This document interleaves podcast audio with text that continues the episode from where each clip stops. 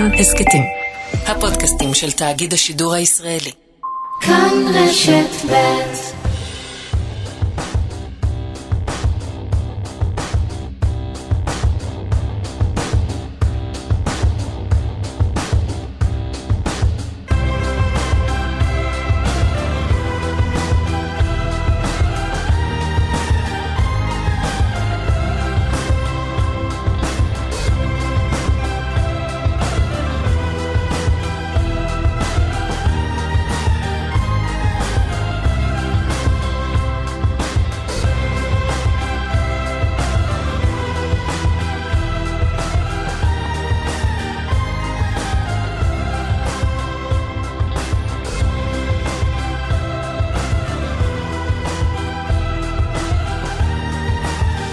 שבוע טוב. שבוע טוב. בוקר טוב. מה העניינים? גם. שלחת את הילדים מחופשים בבוקר לגן? אה, ילדים שולחים אותי. אז ככה התחפשת? מה יש? לא יודע, מה זה? מה אתה מחופש? ל... לא יודע. לקלמן. מה? לא יודע, זה שמח ומבדח זה? אתה שלחת אותם מחופשים? אמא שלהם שלחה אותם אה, מחופשים. אימא שלהם. אני לא כמה- שלחתי, אני לא... כמה טוב. אני לא נמצא שם בבוקר כשהם כמה- כשהם אני לא משולחים. נמצא שם בבוקר. נו, מה לעשות? ישבה, תפרה דברים אה, עד אה, שעות הבוקר. עוד 70 שנה אני רואה ראיון עם הילדים שלך. אבא לא היה שם אבל לא היה. כשגדלנו. כן, כן. בסדר. טוב, מה קורה? אה, בסדר גמור, יש מי שדורש משלמה ארצי להתחפש. אתה ראית את הקמפיין הזה? שלמה כן, ארצי. כן. השמע קול, שלמה. השמע קול, תנהיג אותנו. תוביל אותנו. למה זה נופל דווקא על שלמה ארצי? יש הרבה אנשים שלא מדברים. הוא מדבר. מה זה לא מדבר? שלמה ארצי מדבר. הוא שר. הוא שר, הוא כותב, הוא מדבר בהופעות, הוא, הוא, יש לו טור שבועי שמעתי בידיעות אחרונות. לא יודע, הוא, הוא מדבר. יש דרישה ממנו לדבר על הרפורמה. ולדבר נכון על הרפורמה. כן, למה, למה הוא צריך לדבר על הרפורמה? אני לא יודע, אני שואל. הוא כתב, אה, בזה, היא לא יודעת מה עובר עליי, הוא כתב, אה, זה, זז, זה זז בבטן והורס את לילותיי. ככה הוא מביע את רגשותיו. הוא יודע, הוא לא יודע לנס... שוב, אני לא... מעולם לא דיברתי עם שלמה ארצי, כן? אבל ככה הוא מביע את רגשותיו. זה זז בבטן והורס את לילותיי, זה מה שהוא יודע להגיד. אבל מה, מה, מה ההנחה המובלעת? יש שתי הנחות מובלעות בתוך הדרישה הזו משלמה ארצי לדבר. הראשונה היא שהוא פוחד. נכון שהוא פחדן. שהוא פוחד להרגיז את הקהל שלו. כן, רוצה לדבר על ולכן- הקונצנזוס. ולכן הוא מדבר, הוא יודע, הוא יודע, יש לו דברים שיושבים עליו, הוא מכיר את הרפורמה, והוא רוצ, הוא רוצה להתבטא, אבל אה, הקהל, הקהל, לא יבוא להופעות, לא זה. זה, זה הנחה שאין לה, לה שום הוכחה. במצ... אני לא יודע אם היא נכונה, אולי אין לה הוכחה. אבל ההנחה השנייה אומרת, אם רק שלמה ארצי ידבר, אם שלמה ארצי, וריטה, ויהודה פוליקר, ופול מקארטני, אם הם רק ידברו, אז הקהל שלהם, ש, שהולך איתם להופעות כבר שנים, בגלל לכאורה מה? דעותיהם, אז הוא ישתכנע עכשיו ויהיה לצד כזה או אחר. אבל לא, אנשים, אנשים אוהבים את זה, את את מה שהם מקבלים. הם הולכים אחרי שלמה ארצי שנים בגלל שהוא גורם להם להרגיש את הרגשות שהם רוצים להרגיש. אתה ואני נלך ביחד להופעה של שלמה ארצי, נשיר ביחד את אה, תחת שמי ים תיכון, כל אחד, אני מניח, יחשוב, יתרגש ממשהו אחר. יבוא אגב- שלמה ארצי, יפתח את הפה וידבר, אתה תגיד, חבל שהרסת לי. אגב, מי אמר שהוא מתנגד לרפורמה המשפטית? לא יכול להיות שהוא תומך בה בכל ליבו? הרי לא שמעתי אותו מדבר, אולי הוא בעד. אולי הוא בעד. יש הרבה אנשים שבעד, אתה יודע. אולי שלמה ארצי אחד מהם. אם לשלמה יש ארצי... איזו הנחת יסוד שהוא מתנגד כמובן לרפורמה, כמונו המפגינים, ואנחנו רק צריכים שהוא יגיד את זה. כן. אם יש לו חוש הומור, הוא מכנס מסיבת עיתונאים גדולה ודרמטית בשמונה וחמישה בערב, בכל הערוצים, מתייצב מול האומה ואומר, ביקשו ממני לדבר, באתי. אזרחי ישראל, זו רפורמה חשובה. זו רפורמה חשובה, יש צורך בתיקונים דרמטיים במערכת המשפט. האם זה ירצה את אלה שדורשים לדבר? אני בטוח, אני בטוח. למה הם לא מפגינים מול הבית של אה, חנן בן ארי או עומר אדם? או הצל? אתה נותן רעיונות מעניינים. אה, תראה, אני אגיד לך משהו על שלמה ארצי, על, על השלמה ארצים. בסדר? לא על אחד. יש פה הרבה מאוד אנשים שמשמיעים דעות אה, מגובשות ועוצמתיות בעניין הרפורמה. עכשיו, לכל אחד מותר להתבטא, רק אה, צריך לפעמים לשאול מה הערך בדברים האלה. ואז אם משפטנים חותמים על עצומה, לא משנה בעד, נגד, אני יכול להשתכנע לא להשתכנע, אבל אני אומר, אוקיי, אם זה התחום שלהם, מבינים בזה, ו... והנה הם כתבו את מה שהם מבינים. אף אחד לא חושב ש... ש... כמו שאתה אומר, שאני אשתכנע כי שלמה ארצי אמר כך או אחרת, כי אני אומר לעצמי, אם שלמה ארצי אמר שהוא נגד הרפורמה, כנראה זה אחרי שהוא קרא לעומק. התעמק בכל סעיפי הרפורמה, ואם שלמה ארצי אומר, אז, אז כנראה שצריך לשנות, לשנות דעה. שלמה ארצי הוא בסך הכל איש מפורסם ששר יפה. זהו, נכון? אגב, זה נכון לעוד לא, הרבה אני אחרים. חושב שזה טיפה יותר מזה. למה? הוא, הוא נמצא פה, הוא, מפר... הוא, הוא חי בתוך... הוא מאוד ישראלי, הוא מפרש את לא רק שירי אהבה, אסקפיסטים מנותקים. נו. ולכן הוא יש. לו איזה תובנות על המציאות. אבל לא, מה זה תובנות? אבל יש פה רפורמה, אבל גם צריך לקרוא אותה. אבל גם מה זה תובנות על אבל גם המציאות? אנשים שמבינים, גם אם שלמה ארצי היה מתייצב ואומר, קראתי, באתי, אז מה? אז הוא היה מביע את דעתו. So what? אני מניח שבארץ חדשה, עוד נגיע, אני, אני מת על כן, שלמה ארצי, הוא כן. באמת כותב יפהפה. הוא שר, אה, יש לנו ארץ למה עוד אחת. שאתה יכול להבין מזה שלכאורה, לא יודע, צריך להקים פה עוד מדינה בין הירדן לים. נו. למי זה עזר הדבר הזה? איזה, איפה זה הזיז את דעת הקהל? לא, בסדר, אבל אני אומר, פה יש, יש דיון שהוא, שהוא קודם כל נמצא בפרטים. הוא נמצא בפרטים, זה לא תפיסת עולם. ארץ ישראל השלמה, שלום עם פלסטינים, כן כיבוש, לא כיבוש. שם אתה אומר, אוקיי, גם אני לא בקיא בכל הפרטים. הרפורמות היא סיפור, היא סיפור שצריך צריך להבין בו. ראיתי את עצומת מורי היוגה ועצומת האונקולוגים. יש דברים כאלה. עכשיו, האם מותר לאונקולוגים לחתום או למורי היוגה? ודאי שמותר. אני שואל, יש לזה ערך?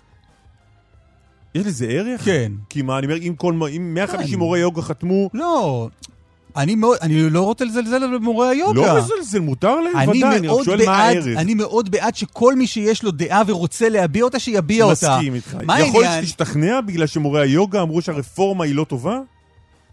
לא, אבל, אבל גם כנראה שלא. כלומר, אני לא יודע, אבל כנראה שלא יודע, כנראה שלא. לא כולם נולדו דוד גרוסמן. אני לא יודע, אני לא יודע כמה אנשים שהשתכנעו מדוד גרוסמן, לא כולם יודעים, יש להם גם אידיאולוגיה מנוסחת היטב והם גם כותבים כל כך יפה. אז הציפייה משלמה ארצי, בגלל שהוא יודע לכתוב כל כך יפה, שהוא גם יגיד משהו חד משמעי, זה, זה מרגיש, leave שלמה alone. טוב, אה, אם שלמה ירצה לעלות ולהגיב, אנחנו פה עד עשר.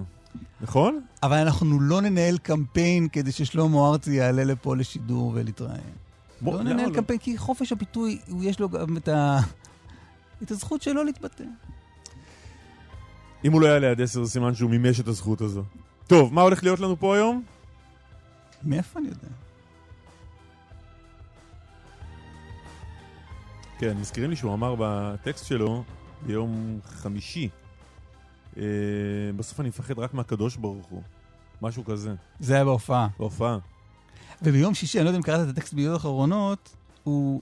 הבת שלו כנראה מאוד פעילה במחאה, והבת שלו גם כנראה אמר לו, אבא, אני לא יודע, אם הבנתי נכון את הטקסט של שלמה ארצי, כי לפעמים לא תמיד קל להבין את הטקסטים של שלמה ארצי, אז... אני אוהב- את ה understatement שלך. אז, הבת שלו אמרה לו, אבא, תדבר, רוצים שתדבר, והוא כזה כותב, אני לא הבנתי מה היא, לא הבנתי, אז התקשרתי אליה, ביקשתי הסברים, הזמנתי לקידוש בשבת. זה, אז נשאר שם משהו סתום כזה. טוב, אה, חבר שהוא אה, לוכד נחשים, אומר שיש עצומה גם של לוכדי הנחשים. כן? אני לא יודע אם זה בדיחה או לא, אבל אה. זה, זה מצחיק בכל מקרה. דני דנון יהיה פה היום, זה מהליכוד. וגם חבר הכנסת יעקב אשר מיהדות התורה. נכון. ומה עוד? לא, אין לי את הדפים פה, אז אני לא יודע, אבל זה דברים מעניינים. בוא נבטיח את שלמה ארצי. מודר יונס יהיה פה, הוא אה, ראש המועצה המקומית ערערה ויושב ראש הוועד הארצי לרשויות המקומיות הערביות בישראל. הם מאוכזבים מאיתמר בן גביר. וואלה. כן. מה עוד? אתה כל הזמן שואל אותי, אני- לי... תדפדף, אתה מחפש פה בניירות. אבל אני לא מוצא פה אז זה כלום. נמצא למטה כנראה. אני יודע שיש חזי עמיור, זה בשיר פנטסטי, שאני... חנה להתבלבלה, הולך לדבר על, ה... על, ה... על הסיפור מאחורי השיר. אז זה... נדבר עם יורי, שביום. אה, שישי חטף כדור, אתה ראית את הגרב שלו? כן. חטף כדור אה, נורא בפיגוע בדרום הר חברון. נכנס לו אה, קליע בצד אחד של הגרב ויצא בצד השני. טוב, רגע, לא, יש עוד סיפור uh, מאוד מאוד חשוב. השבוע נחשף שכתובת חשובה ונדירה שנושאת את שמו של המלך הפרסי, אבא של אחשורוש, נחשפה על ידי מטיילים בגן לאומי תל לכיש, ואז נודע שזה כמעט נכון. Uh, זה כתובת שנוספה, נכתבה שנה שעברה על ידי עובדת uh, של רשות העתיקות. שזה גם סוג של היסטוריה, זה הרבה לפני הבחירות והכל. טוב, איתמר דרוקמן, עורך, קובי זרח והדס סיוון, מפיקים, קרן בר, טכנאית השידור. חבר הכנסת אה, דני דנון, הליכוד, שלום, בוקר טוב. בוקר טוב גם לי. קלמן שלום? בוקר טוב. שלום אסף, שלום אסף. אה, לא, אני... במקום שבו אין דני דיון- דנון, היה דני דנון. אני אהיה. בואו בוא נעשה את השיחה הזאת, בבקשה. אתה תהיה דני דנון, דרוקמן כן. זה בסדר? אוקיי. הוא איתנו או שאני יכול לא, לא, לראיין לא, את לא, אסף? אני... בבקשה. אוקיי. אה, מה שלומך הבוקר? אה, שלומי כשלומה של המדינה. במצב הפרטי מצוין, במצב הלאומי אני מודאג. אתה תומך ברפורמה הזו או לא? יצאתי קצת מבולבל מהמכתב שלך ושל אה, יולי אדלשטיין עם אה, חברים מהמחנה הממלכתי. כן, כן, מה? כן, מגיש. כן, למה חתמתם לו. מכתב? כן, מה אנחנו- אתה רוצה להגיד במכתב הזה? אנחנו קוראים לפיוס ואחדות. תראה, ההסכ- ה- הרי מה שמסכן גם אותנו, יריב לוין קורא לזה. מה שמסכן אותנו כאומה, זה לא, אל הקרע הפנימי. לא, זה הקרע הפנימי, הקרע הפנימי מסכן, זה לא, זה לא מצ...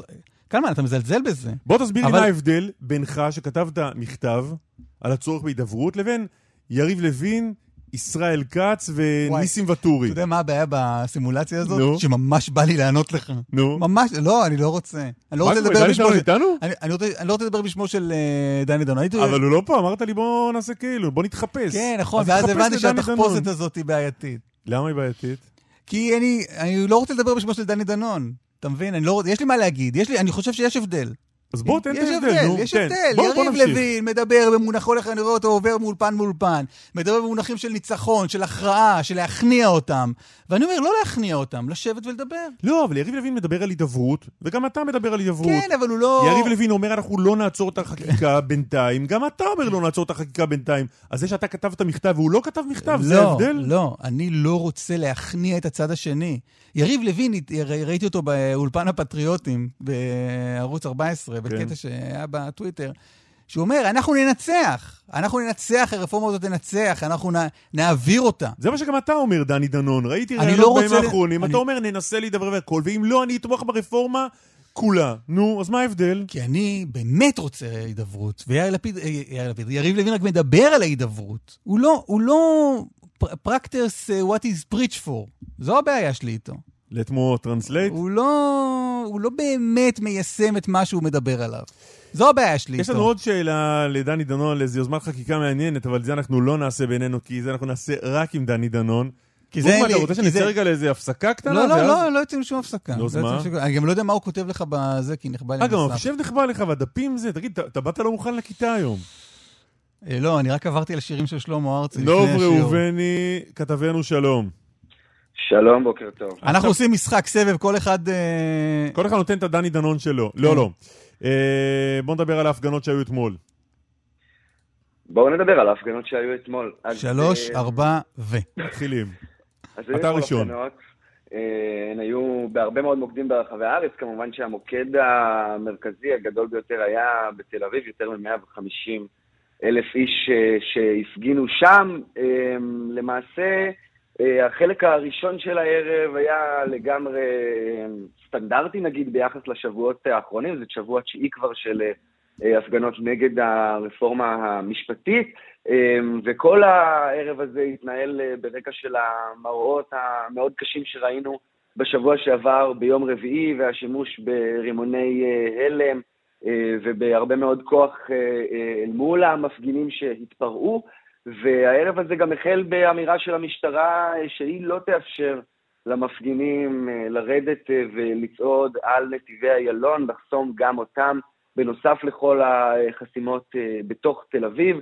שמענו עוד לפני תחילת ההפגנה את מפכ"ל המשטרה, רב ניצב יעקב שבתאי, שגם כן הגיע, סייר שם בזירה, עלה לחפ"ק המשטרה, הצהיר שהמשטרה אה, תעשה כל מה שהיא יכולה כדי לאפשר את אה, חופש ההפגנה, קרא לציבור להנמיך את הלהבות, אבל אמר אנחנו אה, לא נאפשר אה, להפר את הסדר, גם לזכות המחאה הוא אמר יש גבולות, ובכל זאת ברגע שהסתיימה ההפגנה המרכזית, הסתיימו הנאומים, אה, חלק אה, לא קטן מתוך המפגינים התחילו לצעוד אה, לכיוון אה, נתיבי איילון, כמה מאות מהם אה, פרצו את המחסומים של המשטרה וירדו לצעוד אה, על נתיבי אה, איילון.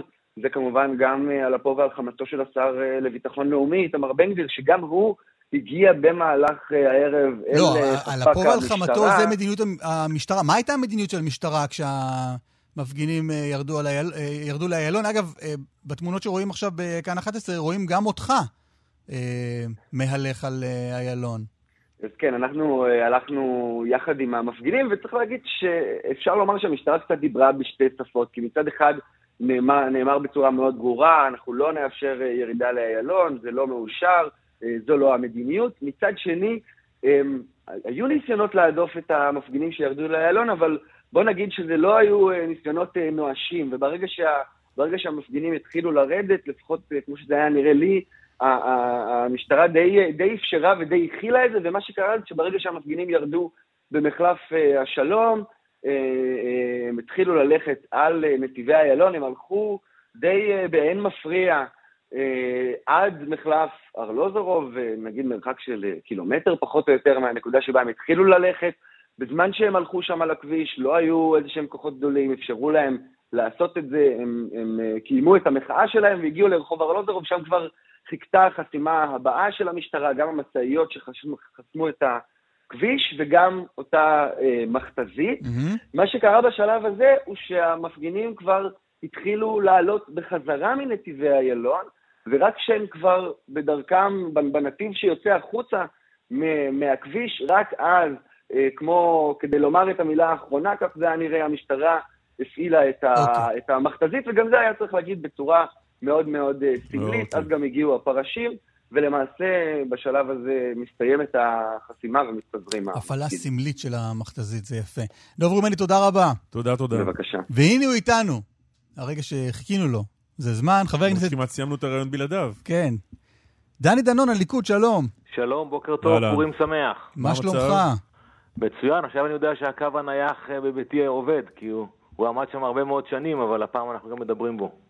אה, עד עכשיו הוא היה רהיט. ראיתי מעלה אבק, אכן כן. לא, מחזיקים את זה כי, כי המדינה משלמת את הקו הזה, לא? איך זה הולך? אה, אני לא יודע, אבל הוא בדיוק בשביל המקרים האלו, שרשת ב' רוצים אותך ואתה, ואתה לא יכול לדבר איתם. יאללה, סיפור קשה. תגיד, אה, מה, מה, איפה אנחנו עומדים? איפה אתה עומד ביחס למה שקורה?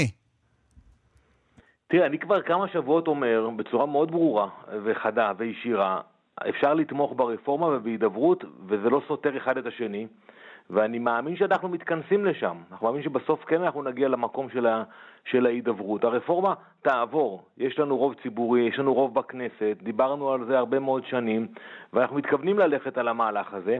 השאלה היא איך עושים את זה. אני חושב שהדבר הנכון הוא כן לנסות למצוא מחנה משותף עם, עם חלקים באופוזיציה שמוכנים לדבר, ואני עושה את זה בצורה לא פורמלית. החלקים האלה באופוזיציה רוצים שתפסיק את החקיקה לפרק זמן כלשהו, כל אחד רוצה משהו אחר, כדי לנהל את המשא ומתן הזה. אתה בעד זה? אה, זה, זה אני קורא לזה התירוצים. זה כמו הילדים בגן הילדים ש, שמתווכחים והולכים מכות, וכל אחד אומר לגננת, הוא התחיל, שהוא יפסיק, שהוא יפסיק. כרגע ראש הממשלה אמר ביום רביעי שהוא בעד הידברות. אה, גנץ וחלקים אחרים דיברו בעד הידברות. אז, אז בואו נדבר. יש לנו שבוע עכשיו של פורים, שבוע שלם. אפשר לעשות המון דברים, לראות אם יש היתכנות או אין היתכנות. צריך להגיע לבית הנשיא, לדבר.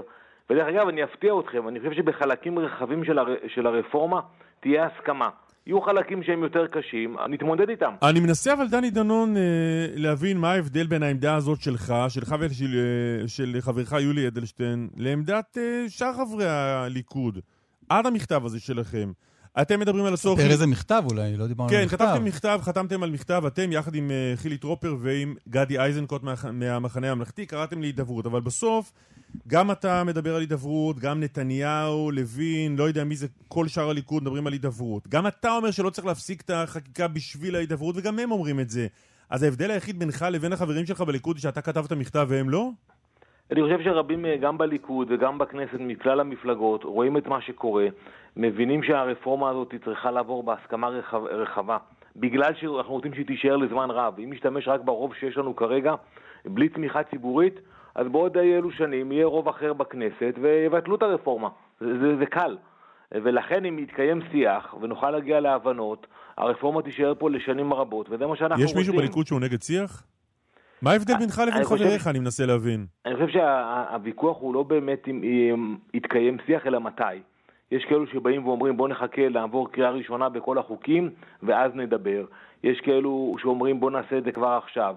אני חושב שהנזק שנגרם למדינה בתהליך הוא, הוא בעייתי ולכן אני בעד להקדים את השיח ולא לחכות לפני קריאה שנייה ושלישית. יכול להיות דרך אגב שהמצב שלנו מבחינת משא ומתן הוא יהיה עדיף באותו רגע.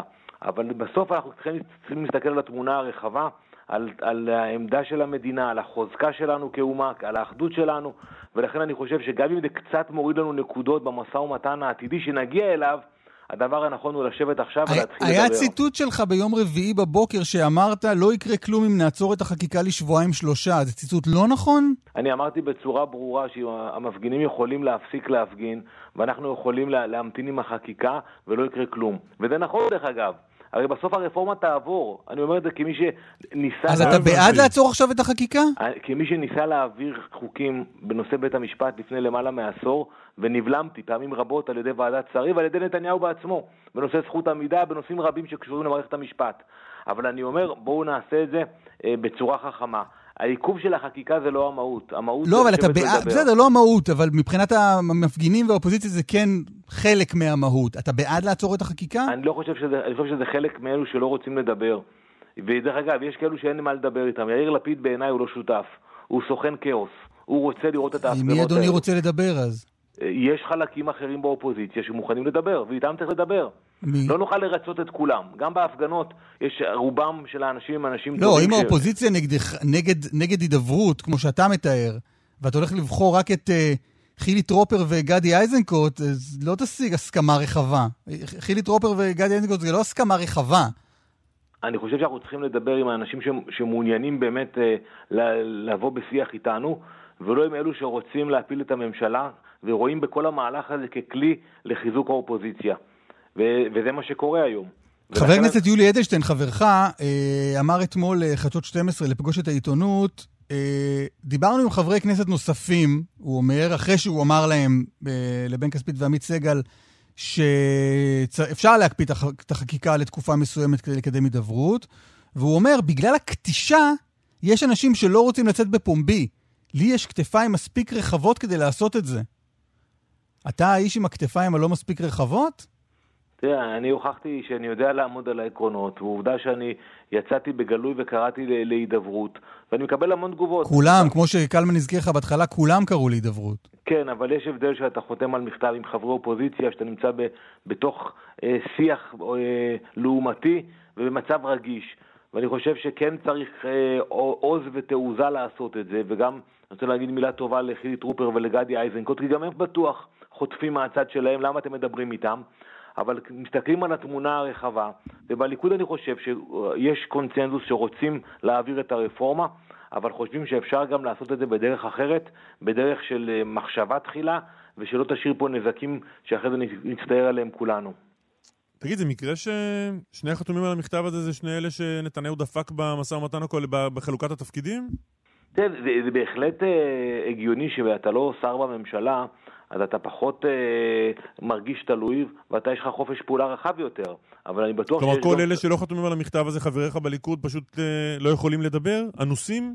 אני חושב, אני הייתי גם שר בממשלה, כשאתה שר בממשלה אתה מוגבל יותר אה, בחופש הפעולה שלך, אבל בשיחות שלי גם עם שרים, יש בליכוד שרים, גם בכירים שביניהם שמאמינים שאפשר לה- להתנהל בצורה אה, אחרת, ואפשר להגיע לא- לאותם הישגים, אבל פשוט בצורה הרבה יותר טובה. ולמה הם לא אומרים את זה? מפחדים?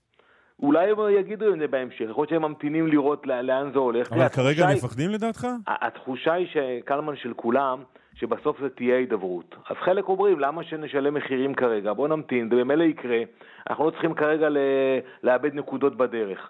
אני בגישה שאני תמיד הולך עם, עם האמת, וכשאני רואה שמשהו שהוא לא נכון, אני אומר אותו. ולכן אני חושב שהדבר הנכון כרגע הוא ללכת לבית הנשיא ולהתחיל לדבר. להתחיל לדבר על הנושאים המהותיים, לא על uh, מי אמר למי קודם, ואני חושב שנוכל להגיע להסכמה ברוב הנושאים. תגיד, בעניין אחר, היום uh, תגיע לוועדת שרים לחקיקה הצעת חוק שתאפשר לנבחר ציבור או לאיש ציבור uh, לקבל תרומות uh, לצרכים משפטיים שלו, של אשתו ושל ילדיו הסמוכים על שולחנו. מה אתה חושב על הרעיון הזה? תראה, אני לא מכיר את הפרטים המדויקים הנה, של, הכר, הכרתי לך עכשיו את הפרטים. של הצעת החוק. אני קראתי על זה הבוקר אה, גם. צריך להסתכל על זה. בסופו של דבר, איש ציבור צריך שיהיה לו כלים להתגונן. היום בעולם שלנו אתה חוטף אה, תביעות, אתה לפעמים צריך לנהל מאבקים ציבוריים, משפטיים, אתה צריך שיהיו לך את הכלים. אה, צריך לראות מה כתוב, אני בטוח שיהיו יהיו מגבלות. יש לך רעיון מאיפה הגיעה היוזמה הזו פתאום? אה, צריך לשאול את מציע החוק מאיפה זה הגיע, אבל אני חושב שזה הגון שלאיש ציבור יהיו את הכלים להתמודד ברגע שהוא מנהל קרב משפטי. אה, כמובן שצריך חובת דיווח ושהכול אתה יכול לתת לי. דוגמה למישהו שמנהל עכשיו קרב משפטי וצריך כסף, ואולי אוסף כסף, ואולי נדרש להחזיר את הכסף, ויכול להיות שהיוזמה הזו קשורה אליו? תראה, אני לא, לא, בגלל שאני לא מכיר כמה, אני יכול להיות שזה גם אה, לא יעבוד רטרואקטיבית, ואז זה לא מסתדר עם, ה- עם התזה שלך שזה בא לשרת את נתניהו. אני לא רואה בחוק שזה כתוב שזה לא יעבוד רטרואקטיבית. בוא נחכה, נראה את החוק היום, מה יעבור זה, או לא יעבור. יחול, הצעה שלך שאם אם זה יחול, שלא יחול על נתניהו? שלא יהיה רטרואקטיבית?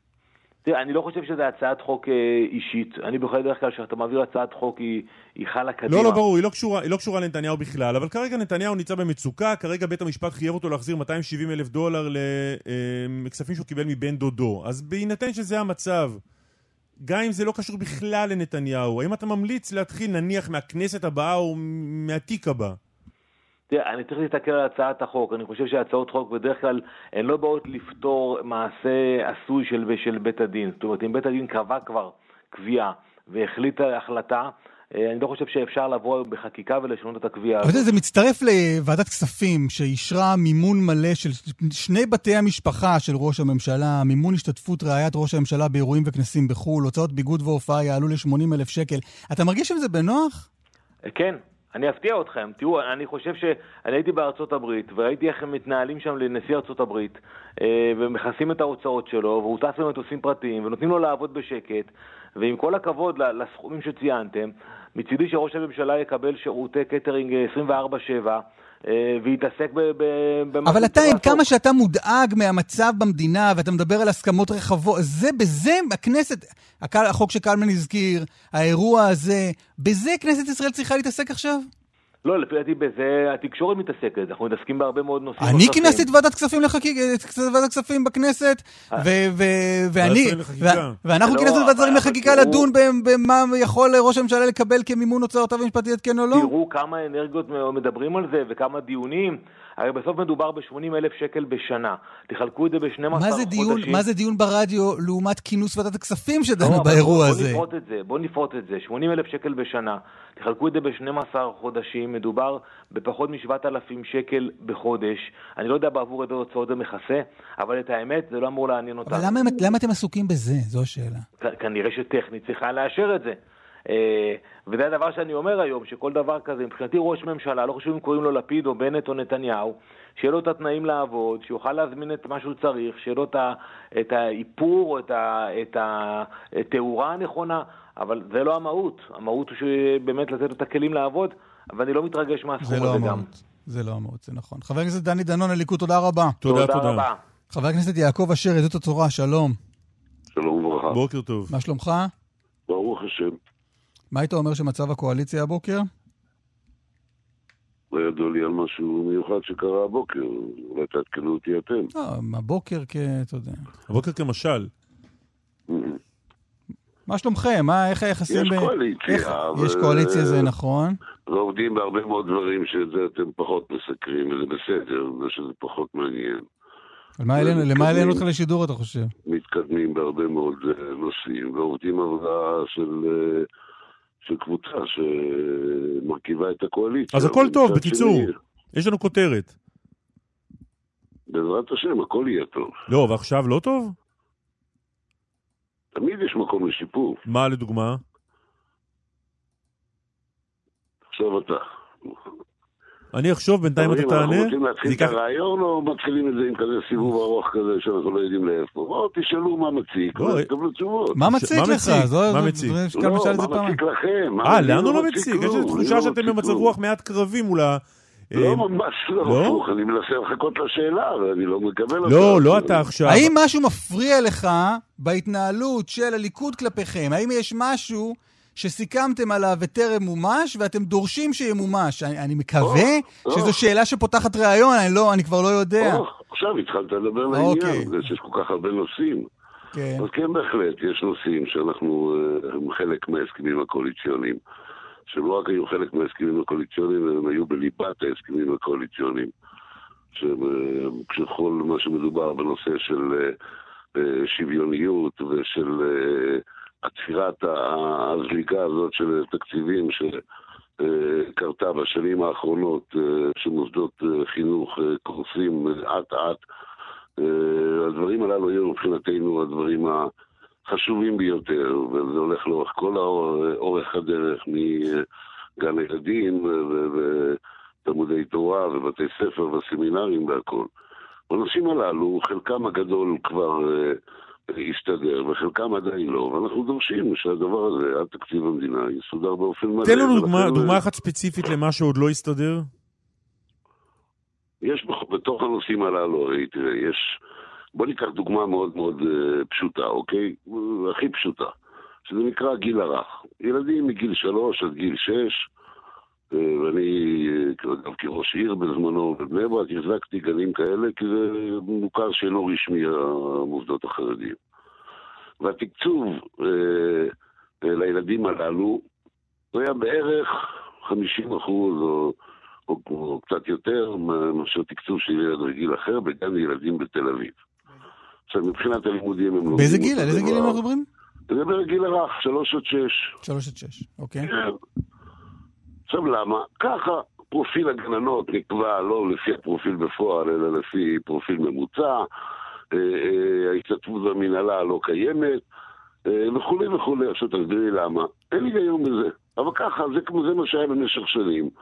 וזה אחד הדברים שאנחנו עדיין פתוחים איתו, שהנושא הזה צריך להיות בהשוואה מוחלטת, ילד לילד. וככה, אם תלך לאורך כל הקו של יסודי, על יסודי וכולי, אנחנו מדברים על הדברים הללו, זה הדבר הבסיסי, זה הדבר הגדול. יש נושאים נוספים, תחבורה. הציבור החרדי הוא אחד הצרכנים הגדולים של תחבורה ציבורית, וזה דבר טוב מבחינה אה, משקית, זה דבר טוב מבחינת איכות הסביבה, זה דבר נהדר, הרי תמיד רוצים להרגיל אנשים, הפסיקו לנסוע עם מכוניות פרטיות ותיסעו בתחבורה הציבורית. אז הנה, יש ציבור שנוסע בתחבורה הציבורית, אבל אה, לצערנו הרב אין מספיק אוטובוסים, אין מספיק אה, השקעה במקומות הללו. אף אחד לא מבקש פה אה, שיחלקו לו קפה ועוגה באוטו, באוטובוס. מבקשים בסך הכל שירות ב- ב- ב- באזורים החרדיים, הדברים הללו. כן, אנחנו מדברים על הדברים מה. לגבי מוסדות החינוך שבהם לא מלמדים ליבה? מה סוכם ומה קורה בפועל? מה שבאותם מוסדות חינוך, שלמשל בשונה מגני ילדים ששם אנחנו דורשים השוואה ל-100 אחוז, למשל בתלמודי תורה, אה, ששם לומדים פחות ליבה, אז התקציב מדובר... פחות ליבה או לא לומדים ליבה? פחות ליבה, הרבה פחות, בתלמודי תורה, ויש בתי ספר אחרים שלומדים רק פחות, ובמקומות הללו, התקציב שאנחנו דורשים אותו זה בעצם מה שהיה במשך כל השנים כהסכמה בין משרד החינוך, כל השנים מדבר איתך 20 שנה ומעלה, על 55 אחוז. אממה, שה-55 אחוז שהמדינה צריכה לתת יחסית לבית ספר רגיל, אז גם זה הפך להיות 20 אחוז, ולא בגלל ליבה. אוקיי. בגלל שיש משרד שקוראים לו משרד האוצר, כן. שלאט לאט אה, הוריד את התקציבים הללו, זה הכל. אז איפה אתם עומדים מול משרד האוצר ומול הקואליציה? אז אנחנו כרגע נמצאים בכמה וכמה נושאים שנשארו פתוחים, ומבחינתנו הם לא יישארו פתוחים, וזה מה, אנחנו, מה שאנחנו רוצים. ועל כך התקיימה ישיבה בשבוע שעבר, ואמורה להתקיים גם היום, ואני מקווה שנסגור את העניין הזה. אני לא חושב שיש... אבל לפי מה שאתם שומעים מראש הממשלה ו/או משר האוצר, זה הולך להיסגר בטוב מבחינתכם? גם במהלך המשא ומתן הקואליציוני וגם אה, במהלך הדיונים אה, שהיו בשבוע האחרון, אה, ההסכמה, נשארה אותה הסכמה, ההבנה שהדבר הזה הוא מבחינתנו ליבה של, של ההצטרפות שלנו והשהייה שלנו בתוך קואליציה. היא כן, אבל בסדר, הם. יודעים שאין לך לאן ללכת. לא, בוא, זה לא קשור לאן ללכת, זה אף אחד אין לו לאן לא, מה ללכת, תעשה, תפרק לא את קשור. הקואליציה? לא תפרק את הקואליציה. מבחינתנו, מבחינתנו, הדבר הזה של קיום הסכמים, בטח על נושאים כל כך ליבתיים וחשובים. לא, בסדר, חתמתם הסכם עם בנימין נתניהו, זהו, אהב, אתה יודע. אל תנסה להחליש אותי, אל תנסה להגיד לי שזה לא כך חשוב וכן חשוב. זה חשוב. למה, זה מעליב אותך? ראש הממשלה יודע את זה, שר האוצר יודע את זה, כולם יודעים את זה.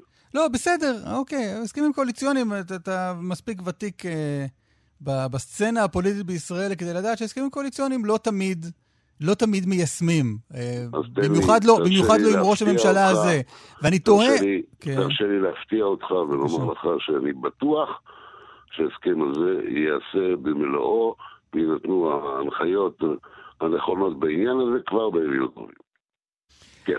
תגיד, אבל איך אתה רואה את, ה, את, את הסיטואציה? אתה, יש, כאן, יש כאן במידה מסוימת אה, דרבון של מוסדות לא ללמד ליבה, נכון? כלומר, אתה אומר, אני רוצה לקיים את ה... עוד פעם אתה עכשיו מחפש? את ה... זה ממש לא. ממש לא. יש פה דבר אחד.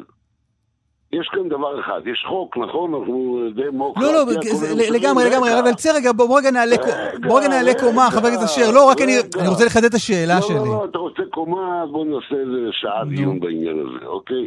אתם אוהבים תמיד לקחת את זה למקום, אז אתם באים להסביר לנו כמה אנחנו... לא, לא מסביר, אני. בא לשאול אותך, אני בא לשאול אותך כאיש מעשה וחזון. לא, חבר. הכנסת אשר, תלך איתי רגע. כאיש מעשה וחזון, היום 52% מהגברים החרדים משתתפים בשוק התעסוקה.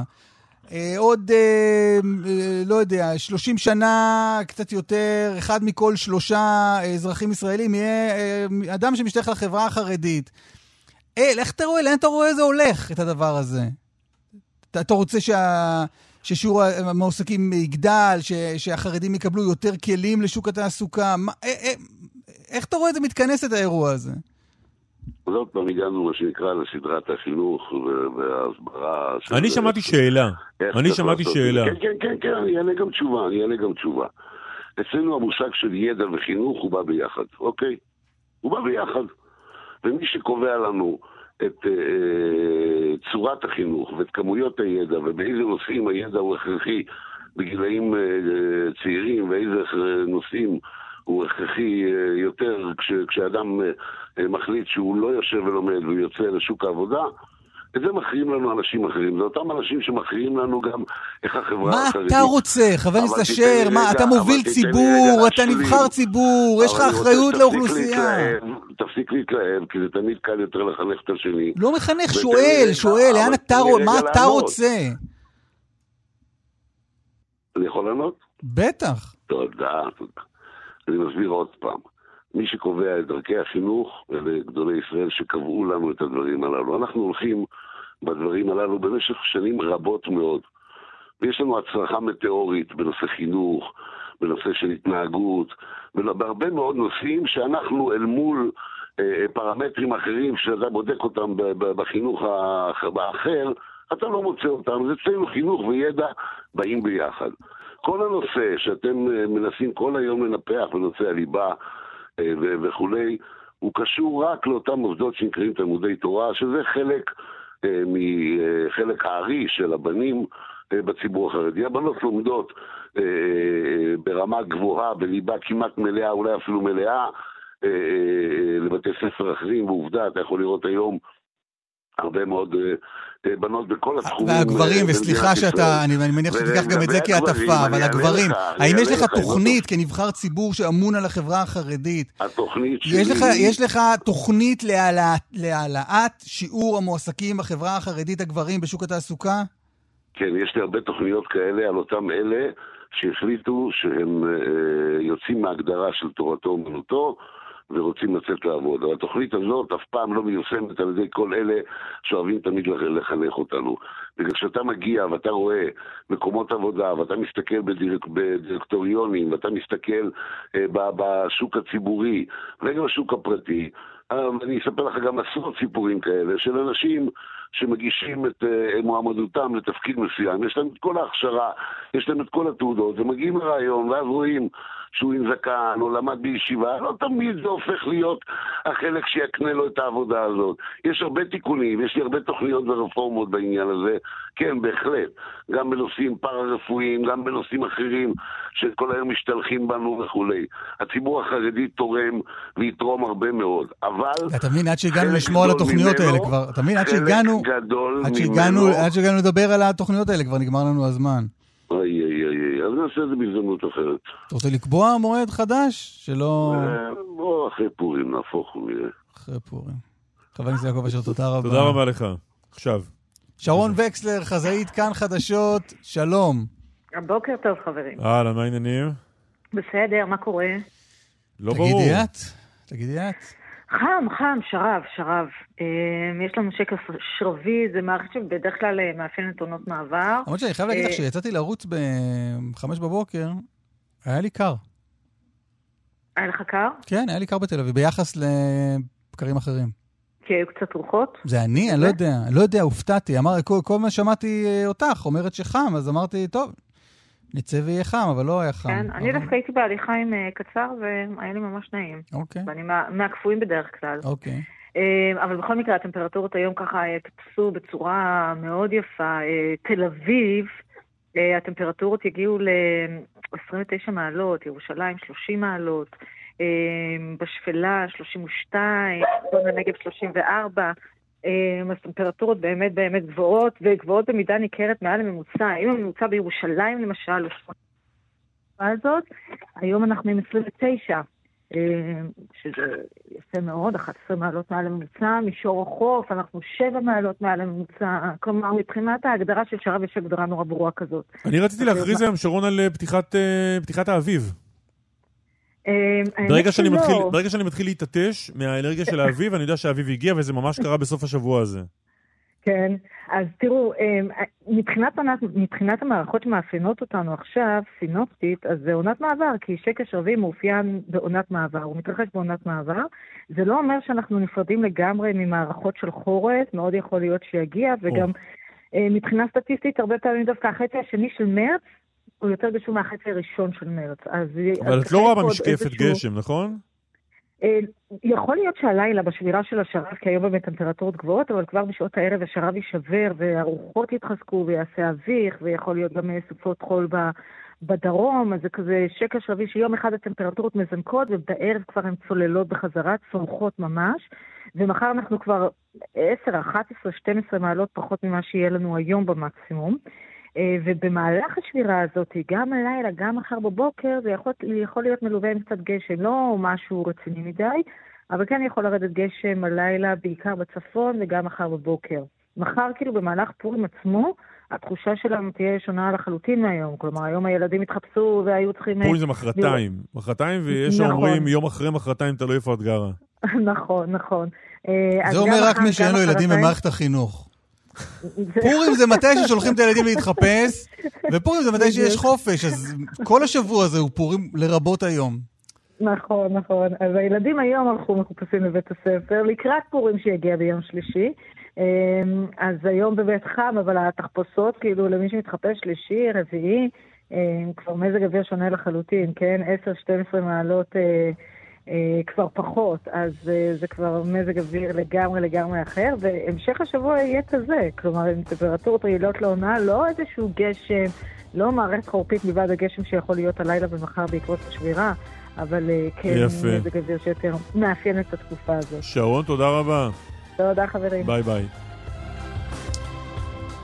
אה, סוף שעה ראשונה והיא ממש נגמרה. יש לנו אורחת בשבוע הבא, אחרי שעה הבאה. הפרסומות והחדשות תהיה כאן בהופעת בכורה בתאגיד השידור הציבורי. ממש ככה. הופעה בכורה עולמית. אפשר להגיד? כן. אני אגיד. תגיד, נו. איילה חסון תהיה פה.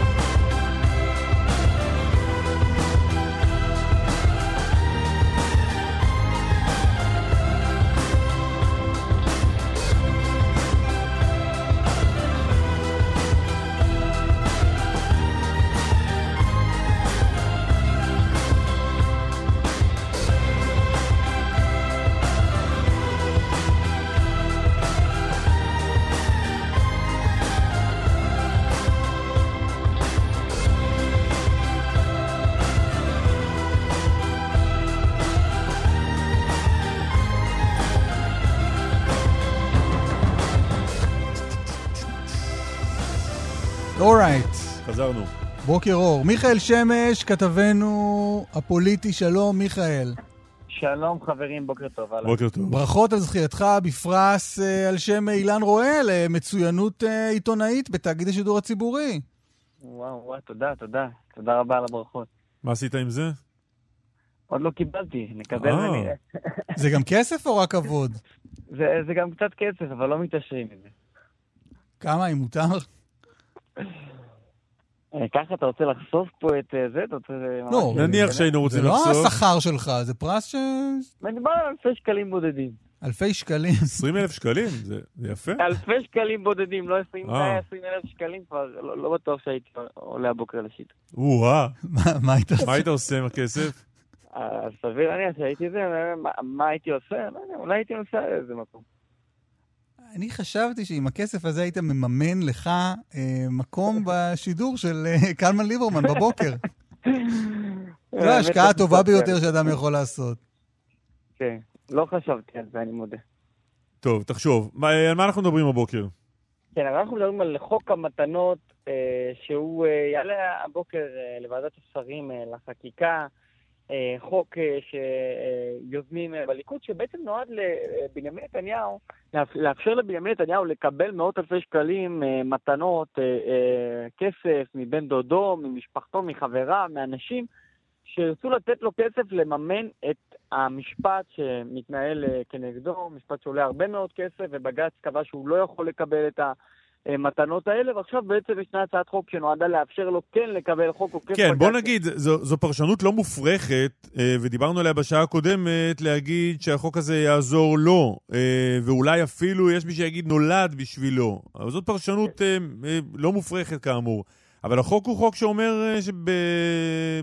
ואני קורא אותו פה, על... שעובד ציבור, כל עובד ציבור יהיה רשאי לקבל תרומה כספית למימון הליך משפטי או טיפול רפואי הכרחי עבורו, עבור בן זוגו המתגורר עמו, או עבור ילדו הסמוך על שולחנו.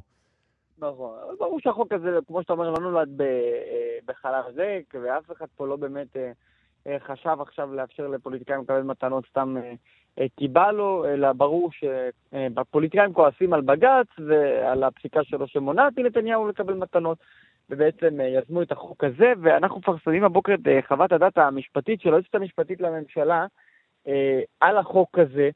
חוות דעת חריפה מאוד אה, שנשלחת אה, הבוקר אה, ממשרד המשפטים, ובה בעצם נחתם מטעם היועצת המשפטית לממשלה שהצעת החוק הזאת תאפשר למעשה הרחבה של השחיתות השלטונית. ניתן ככה כמה נקודות מתוך חוות, הדעת, אז העמדה של היועצת המשפטית היא שצריך להתנגד להצעה הזאת בגלל שהיא סותרת את חוק המתנות הקיים, שאוסר, צריך להגיד, על פוליטיקאים לקבל כל מתנה משמעותית שהיא מעל uh, כמה עשרות uh, שקלים uh, או כמה שקלים בודדים, ובעצם ההצעה הזאת עומדת בניגוד מוחלט ובסתירה לחוק הקיים, והיא מדברת על כך שהצעת החוק עומדת בסתירה לרציונל הכללי של המנגנונים שנועדו להבטיח טוהר מידות בשירות הציבורי, שביניהם ניתן למצוא גם עבירות של שחיתות שלטונית. זה יפגע בטוהר המידות של הפוליטיקאים, יביא לפגיעה ממשית באפשרות לשמור על טוהר מידות בשירות הציבורי, ובסופו של דבר אומרת היועצת המשפטית לממשלה, מסכמת יותר נכון את חוות הדעת הזאת וכותבת בהצעה הזאת, יש כדי לפתוח פתח של ממש לשחיתות שלטונית, על כן יש להתנגד לה, היא גם כותבת שההצעה לא מסודרת, לא בדיוק ברור מתי מותר לקבל מתנות, מתי אסור לקבל מתנות, ובעצם מי יכול לתת מתנות, וכל הדברים הללו שעלולים לפגוע בתואר המידות של פוליטיקאים, בפרט בשירות הציבורי, חוות דעת חריפה כאמור. מיכאל, אבל השורה התחתונה שלה היא, זה מתכתב פשוט עם רעיון ששמעתי אתמול של יאיר לפיד על עניין הגז הלבנוני, ההסכם הגז ההוא. היא אומרת, אסור, או היא אומרת אה, לא ראוי, לו הייתם שואלים אותי הייתי אומרת שאני לא ממליצה, מה הניסוח המדויק של השורה התחתונה שלה? הניסוח המדויק, אני אקריא לך, אומרת היועצת המשפטית לממשלה, הצעת החוק פוגעת באופן מהותי בתואר המידות, ההצעה מנוגדת, מנוגדת לתכלית החוק ולמגמה בפסיקה. יש להתנגד לה, אומרת היועצת המשפטית, יש בה כדי לפתוח פתח של ממש לשחיתות שלטונית, והשורה התחתונה היא צריך להתנגד להצעה הזאת. לא רואה שהיא כותבת שהיא אה, אה, לא חוקתית או ביטויים מהסוג הזה, אבל היא כותבת אה, שההצעה הזאת סותרת את החוק הקיים, אה, תפגע בטוהר המידות, עלולה להוביל לשחיתות אה, ציבורית, ומבקשת מהשרים להתנגד, ואני חייב להגיד שהשרים לא כל כך מסמפטים אותה. אה, חוות הדעת, על חוות הדעת הזאת חתום המשנה ליועץ המשפטי עוד לממשלה. לפני חוות הדעת, אתה אומר. כן, אה, זה דוקטור גיל לימון חתום על זה, ואני אומר, השרים מצפצפים עליה, היועצת המשפטית בוועדת השרים, כפי שראינו בשבועות האחרונים, ככה שלא מן הנמנע שהם אה, אה, גם כן הפעם ידחו את, חוות הדעת. כן, אוקיי. מיכאל שמש, תודה רבה לך. תודה, תודה לכם, ביי. עורך הדין מודר יונס הוא ראש המועצה המקומית ערערה וגם יושב ראש הוועד הארצי לרשויות המקומיות הערביות בישראל. שלום אדוני, בוקר טוב. מה שלומך? נקווה תמיד לטוב יותר. כן. כי, כי כרגע מה? כי כרגע אה, 26 נרצחים בחברה הערבית בתוך חודשיים, בממוצע אחד לכל יומיים. זה המצב הקיים בתוך החברה הערבית. זה מצב. תחושת חוסר ביטחון מוחלטת, ו... וככה זה המצב. וזה מצב רע מאוד, ואתם בוועד ראשי הרשויות הערביות מוטרדים מאוד ממצב הפשיעה במגזר הערבי, אבל מודיעים שלא תשתפו פעולה עם שום דבר שיעשה השר שמופקד על המלחמה בפשיעה במגזר הערבי ובכלל, איתמר בן גביר. ראשי הרשויות לא לבדם מוטרדים מכל הפשיעה, אני חושב שכל החברה הערבית ברור. בתוך מדינת ישראל מוטרדת, ואני חושב שלא רק החברה הערבית, אני חושב שכל החברה הישראלית צריכה להיות מוטרדת. נכון. ולמרות שאנחנו פשוט לא רואים את זה, שפשוט באמת נמצא בתוך השיח הישראלי אה, כמו שצריך, ובאמת מתוך דאגה לכמעט 20% מתוך התושבים במדינת ישראל. אה, הוועד הארצי אה, לא, מי שמוטל ומי שמחויב פשוט לביטחון של האזרחים זה מדינת ישראל, זה הממשלה, ואת זה צריכה לעשות. זה לא עניין של מפגש כזה או אחר עם ראשי רשויות הכל, במיוחד כאשר השר הממונה כביכול שקיבל את העניין הזה מנסה פשוט אה, לסמן ולתת ציונים לתוך ההנהגה ולקבוע עם מי הוא נפגש עם לא, לפי ציונים מסוימים. לא, אבל הוצאתם הודעה, לא נקיים. שיח עם השר בן גביר. ההודעה לא יצאה מאיתנו ככה קיבלו תוך ראשון, ההודעה היה באה כתוצאה מתגובה להודעת השר בן גביר, שהוא אמר שהוא לוקח על עצמו את כל המסלול הבטוח, ואמר כמובן, ותשימו לב, שאני לא, אני רוצה לשבת עם ההנהגה הערבית, אבל אני לא אשב עם הנהגה שהיא תומכת טרור, ואני לא אשב עם הנהגה שלא מכירה במדינת ישראל כיהודית ודמוקרטית. כלומר, זה בעיה, רגע, זה בעיה שלכם זה שהוא... ישר דמיינתי, ברשותך רק לזמן, ישר דמיינתי דבר כזה, איך הוא פשוט, כבוד השר רוצה לטפל. הוא ישלח שאלון לכל ראש רשות בעצם, וישאל אותו את השאלות, ויסמן ב-V, לא ב-V, יסמן בעיגול, אם הוא תומך במדינת ישראל יהודית דמוקרטית, ומי שלא מעז להגיד שאני לא תומך בעניין הזה, אז יפסח על העיר שלו. כלומר, אבל- ייתן אבל- שירות לעיר הזו ולא ייתן לעיר הזו. אבל אתה כיושב ראש הוועדה, אבל אתה כ... מודר יונס, אתה כן. כיושב ראש הוועד הארצי, אתה תומך טרור? אני בכלל לא תומך יפה, טרור. נו, אבל אז לא- מה הבעיה לך לשבת אבל אני איתו? שואל- אני, אני שואל שאלה אחרת, ואיך אנחנו נעשה את זה? השר בן גביר צריך לחשוב, אם אנחנו, וזה מובן מאליו שאנחנו לא תומכי טרור, מדוע הוא צריך לא, אבל להציג יש את השאלה מישהו שהוא מלכתחילה? הודיע, יש מישהו שהוא? הודיע, יש מישהו שהוא הודיע שהוא לא יישב איתו? אף אחד, אני, אני רוצה להסביר, ראשי רשויות לא אמורים ולא יושבים עם שרים כבדרך כלל. ראשי רשויות יושבים עם אנשים המקצועיים במשרדים, ככה זה מתנהל. אני כראש רשות יושב עם המשטרה באזור שלי, עם מפקד המשטרה ומנסה לפתור ולקדם כל דבר ודבר בתוך היישוב שלי. לצערי, אני כראש רשות אין לי את הסמכויות שאני יכול להפעיל ולעשות ולא מוטלת עליי החובה, אני, איך למגר את האלימות והפשע המאורגן שבתוך החברה הערבית ושזולג עכשיו לחברה הישראלית. מה שאני בא ואומר, שהממשלה צריכה לעשות את זה. עצם כך שכבוד השר בן גביר בא ואומר שאני רוצה לטפל, אבל אני לא יושב עם זה ואני לא יושב עם זה, ההרגשה היא בעצם שהוא מכין את הרקע לכישלון הבא על מנת להביל את האשמה על ההנהגה הערבית שוב פעם, שהם לא ישבו אותי. אתם לא משחקים לו לידיים. תומכי טרורים בעניין. בכלל לא, אנחנו אומרים שהוא צריך לעשות את העבודה. אנחנו אומרים שנעשתה תהליך מסוים שקראו לו מסלול ביטוח, בטוח, שהנהגה הערבית, ראשי הרשויות היו חלק ממנו, הם ישבו עם האנשים המקצועיים בעניין הזה, הם ישבו עם המשטרה, הם ישבו עם רשות האכיפה, הם ישבו עם הרשות להלבנת הון, עשו עבודה מסוימת, העבירו מה שקורה בשטח, ממה שהם מרגישים, מה שהם יודעים, ועכשיו נטל ההוכחה ומי שצריך לפעול זה הממשלה ועליה לפעול. אבל הוא אם הממשלה, אנחנו הוא נתחיל אחראי, עכשיו הוא להיפגש אח- עם הישיבה הזו, אבל הוא אחראי. ולא ישיבה זו לא האישיו. אבל אנחנו מודר לא יונס, אמורים הוא לשבת אחראי רק- מטעם הממשלה לטיפול בפשיעה. רק לחדד את הנקודה. אני לא, וזה לא העניין. אם נחשוב שעל מנת לטפל במשהו במדינת ישראל, השר צריך להיפגש עם זה ועם זה, אף אחד לא. שר, כמו שהוא אמר, אני קובע... אף אחד לא מה? גם מה עצמו. אם השר פשוט צריך בכל עניין ועניין לשבת עם בעל העניין בעניין הזה, לעולם לא תוכל לעשות את זה. יש מדיניות, יש הוראות, יש תוכנית שנעשתה, פשוט צריך למלא אותה ולהשיג את התוצאות. לא, אבל לא הבנתי, אם השר בן גביר, רגע, מודו לגמרי. יונס, שנייה, אבל אם השר בן גביר לא סתם נותן את זה לפקידים שלו, אלא אומר, זה מאוד חשוב לי, אני בעצמי הולך להיפגש עם האנשים, אז מה, זה לא טוב? זה נראה לי עוד יותר טוב, הוא לוקח עוד יותר אחריות. השר פשוט התחיל וסימן מראש עם מי הוא רוצה לשבת ולתת ציונים.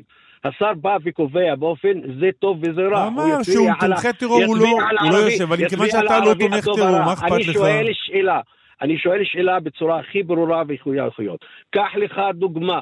שראש רשות שלפי דעתו של השר בן גביר הוא לא ראוי, הוא לא מהתומכים של מדינת ישראל.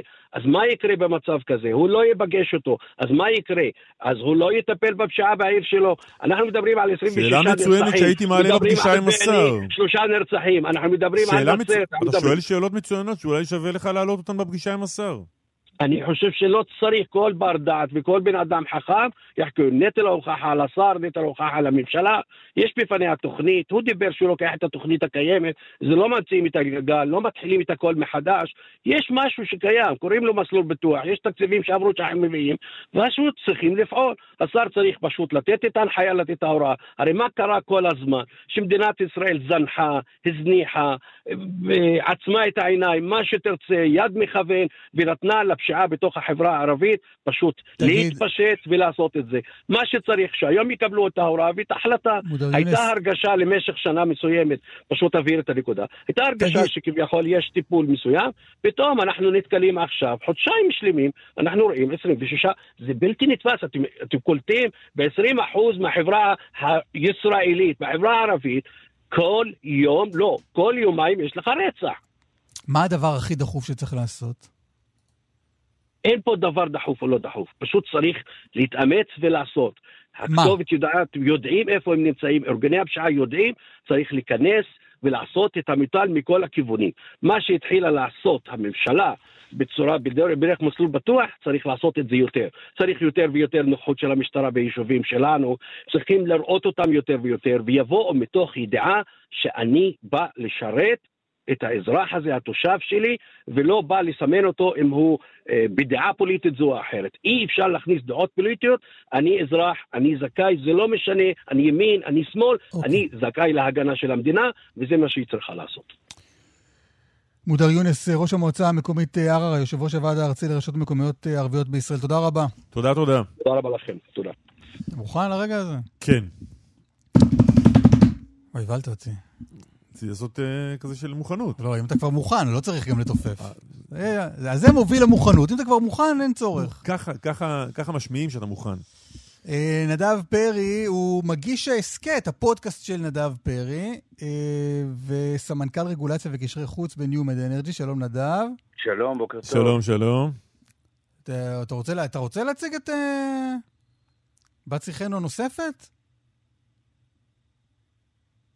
נדב, שואל אותי אם שאלתי אני אותך, רוצה להציג? כן, כן. אה, קט- קטונתי, התוכנית היא לא שלי, אני כאן אורח. אני חושב שאורחת במשקל אה, כזה... התוכנית היא של כל עם ישראל. כן. אם אתה רואה את עצמך חלק מהחברה הישראלית, התוכנית היא גם שלך. איילה חסון, ברוכה הבאה לכאן, תאגיד השידור הציבורי. אתה רואה שאתה יכול? בוקר טוב. בוקר טוב. מה המצב, טוב. אה, מצוין, לא נעים להגיד, אבל נרגשת. כן? למה לא נעים? אה, כי זה כיף להתרגש עוד ולא לאבד את זה. מה, מה. תתני רגע איזה מילה על זה, כי מבחינתך, אה, את יודעת, מכירה טלוויזיה, נכון? לא, ברור, ברור. הייתי השבוע ב... בכאן, באולפן, צילמנו, בדקנו, ראינו את העיקר. אז הכל, הכל, אה, קודם כל הכל נראה מצוין, וחדיש, ונקי, ונעים. שונה מרשות דבר- השידור? מאוד, כן. שרשות השידור, אנחנו היינו ב- בסוף שלה בסגירה. היה בימים של אה, יאיר לפיד וגלעד ארדן, סגרו את רשות השידור, אנחנו היינו ברשות השידור בפירוק. זה היה ימים מאוד קשים, ימים סופר קשים, גם רגשית, גם כלכלית, גם הכל, אבל לא על זה באנו לדבר עכשיו. כן. פגשתי המון חברים משם, מהעבר, כולם התקדמו, כולם עושים עבודות מעולות, כולם בעלי מקצוע מצוינים. פגשתי חברים אה, מערוץ 10 לשעבר, יקרים. תשמעו, בסוף, מקום עבודה זה לא מעט האנשים שאתה עובד איתם. זה הרבה מאוד אפילו. כן. והכי חשוב, זה מקום עבודה שתוכל אה, לעשות מה שאתה או, יכול. אז עוד רגע נדבר על, אה, קצת על פוליטיקה ומה אנחנו כולנו רואים סביבנו ותובנות של שניכם, אבל מה הולך לקרות הערב? שבע בערב, כאן 11. אה, תשמעו, איך אמרתם? אה, עושים תוכנית, נשתדל לעשות תוכנית הכי טובה שאפשר. רלוונטית, אקטואלית, אה, מגוונת, עם הרבה זוויות, בטח לא חד-צדדית, בטח לא חד-כיוונית, בטח כזו שרבים רבים בציבור ירגישו שהם... אה, שהקול שלהם גם נשמע, והם לא מודרים, והם לא מתייחסים אליהם בהתנשאות. אפשר אפשר עדיין לעשות דבר כזה? בחובה. אני חושבת שזה מה שעשיתי ב-13, גם במטה וגם בשישי, מגוון. זה עצבן אנשים כי הם רוצים, אה, אלה בעמדות אנשים הכוח רוצים, אנשים רוצים לשמוע... רק מה לא- שנעים בדיוק. להם. 100 אחוז מהדעה מה- שלהם. יפה, אז ראינו לאן. יש לי חברים שמתעסקים גם בתחום הזה, של אה, כן. להגיש תוכניות כאלה ואחרות, כן. שהתוכנית לא נותנת להם את המאה, ואנחנו רואים גם שהתקשורת הולכת לכיוון הזה, של להיות מאה אחוז מצד אחד של המתרס. איפה זה, מצוין. איפה זה פוגש אז- אותך? זה פוגש אותי בשידור הציבורי. כשאתה בעל הון ויש לך תוך, אה, ערוץ טלוויזיה, תיקח אותו ימינה, שמאלה, למאדים, לחלל, אה, לא יודעת לאן. בסדר, זה לגיטימי. כשאתה שידור ציבורי, אתה צריך להביא את הקולות של כל הציבור, לא של כל הציבור במובן של כל אחד ואחד, אלא לתת ביטוי לציבור רחב, שבדרך כלל גם, אגב, אין לו ביטוי, בטח לא בתקשורת. אז אה, גם וגם וגם וגם, גם לימין וגם לשמאל וגם לדתי וגם לחילוני וגם ליהודי וגם לערבי, בהחלט להביא, להביא את... עכשיו, אנחנו לא מביאים את הביטוי, אבל אנחנו משמיעים שיח מגוון. סתם לדוגמה, במטה בזמנו עשיתי פאנל משפטי. היו בו שני משפטנים שאחזו בדעה מסוימת, והיו לצורך העניין מאוד מאוד פרו-פרקליטות, ושניים מתנגדים. אז מה? אז, אז, אז, אז מעניין דווקא שהכיוון הימין קיבלו, התעצבנו מאחרים, אבל קיבלו את זה. והכיוון השני רק התעצבנו שכתוב על דוד פורר, בכיר לשעבר בפרקליטות. זה העביר אותם על דעתם. הם השקיעו בזה שעות של מרירות ומרמרה. זה מין דו-שיח כזה שמתנהל בפינת אה, משולש רחובות אה, מסוים אה, באזורים מסוימים בארץ. וזה לא דו-שיח, צריך להכיר את הציבור. אני מחוברת מאוד, גם העובדה שאני מצלמת כתבות, למרות שכשהגשתי את שבע לא כל כך היה לי זמן. אז אני כל הזמן נוסעת ברחבי הארץ, אני כל הזמן יפה. מדברת עם המון אנשים מכל מיני סוגים. ואני רוצה להביא לידי ביטוי את הקול הזה, ואני כן חושבת שיש לזה מקום בשידור הציבורי. יפה, אז זה יהיה אה, כל צריכה יום, להיות שם. כל יום שבע בערב בכאן 11. בואו נדבר קצת על אה, פוליטיקה, נדב, נתחיל איתך. בוא נדבר על הכתבה שלך, קלמן, ביום שישי. לא, זה, אנחנו פה בהפרדת רשויות. אה, חבל. נדב, באיזשהו מקום שומעים על הפרדת רשויות. כן, כן. תגיד, צריך נדב. נדב, איך זה ייגמר? שמע, יש כאן איזשהו מהלך שהוא מנוגד. מצד אחד אתה כל הזמן שומע, ובוודאי איילה שומעת, וכולנו שומעים, יש פשרה, היא כבר מוכנה. אצל הרצוג בתוך החדר יש פשרה, משהו סוכר. אז זה יהיה ככה, ואז זה יהיה ככה, וכולם מסכימים על זה. אוקיי, מאה אחוז. אני באופן אישי סתם, ואני אה, לא, לא בתחום, אני שומע את זה כבר המון זמן, איזה שבועיים, שלושה בטח. אז אתה שואל, אבל מה קורה? נו, אתם אמרתם שיש פשרה, אז מת, מתי? והרטוריקה היא רק מסלימה, משני הצדדים.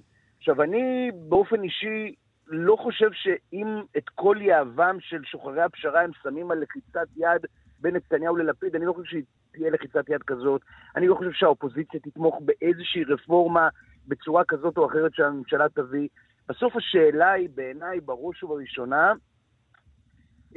מתי בנימין נתניהו, זה שוב פעם מתכנס אליו, אל הכתפיים שלו, עם נבצרות, בלי נבצרות, מתי בנימין נתניהו אה, אה, מקבל את ההחלטה שהוא מוריד את עוצמת הרפורמה למדרגה שמתחת, או לשתי המדרגות שמתחת. הוא יגיד לך, היועצת המשפטית לא נותנת לי לדבר על זה בכלל. בסדר, אוקיי, אז הוא יגיד. אה, זה, זה כמו שאמרה שרון סטון באינסטינקט בסיסי, אז מה תיקח אותי למשטרה?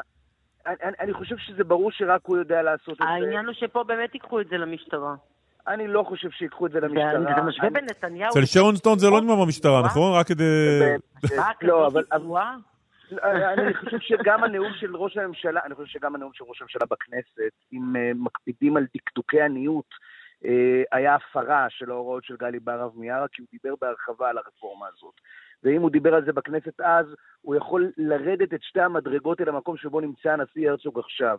ובעיניי השאלה, אני חושב שנתניהו רוצה להגיע למקום הזה, חושב שהרבה מאוד גורמים בתוך המערכת הפוליטית, גם בקואליציה, רוצים להגיע למקום הזה, למקום הזה ש, שהרפורמה מתכנסת סביב הנוסח היותר מרוכך שלה, אבל בינתיים זה לא קורה, ומה שלא קורה, אז אה, מה שלא הולך קדימה בסוף הולך אחורה. ואם ההצבעות יתקיימו בתוך שבועיים-שלושה, אז הם יתקיימו על הנוסח הקיים כרגע, שהוא הפול, הפול מונטי, ואנה אנחנו, אנה אנחנו, אנו באים. אנה אנו באים, אלה? אני חושבת שהדיון הוא בכלל לא על הרפורמה בשלב הזה. הרפורמה זה, זה ברור שזה קיים ברקע. אני רואה למשל המון כתבות שנעשות על המפגינים וזה, אני אף פעם לא שומעת בעצם, מעבר למילה דיקטטורה או דמוקרטיה, מה כן דחוף ורוצים לשנות ברפורמה. את זה אני לא שומעת, בשום פנים ואופן. אני חושבת שיש, אני מתחברת לדברים של נדב, יש הרבה כוחות מנוגדים, ואני הולכת עם זה עוד צעד. יש הרבה כוחות מאוד מאוד מנוגדים כרגע בחזית של האירוע הזה. יש את הכוחות בתוך הקואליציה של נתניהו ועוד שכן רוצים להביא לאיזה שהן הסכמות ולהגיע להבנה ולא רוצים שפה המועדונים יישרפו והסמים יישרפו.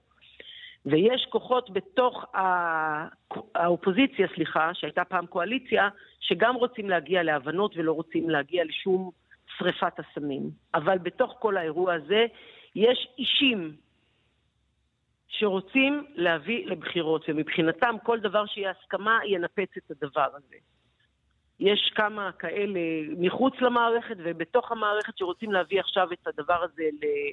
לאקסטרים ולהביא לבחירות. אני לא בטוחה שזה יצליח להם המהלך הזה. מה קורה אצל הנשיא, לבחירות. אבל הזכרנו את עניין הנשיא, מה קורה אצל שם? הנשיא, אצל הנשיא יש אה, דיונים, זה עוד לא סגור, זה עוד לא שם, יש דיונים של אה, משפטנים שעוסקים בזה, מפה ומשם, בשעה שבע, בשעה שמונה, בשעה כזה, הניואנס הזה, הדבר ההוא, הדבר השם.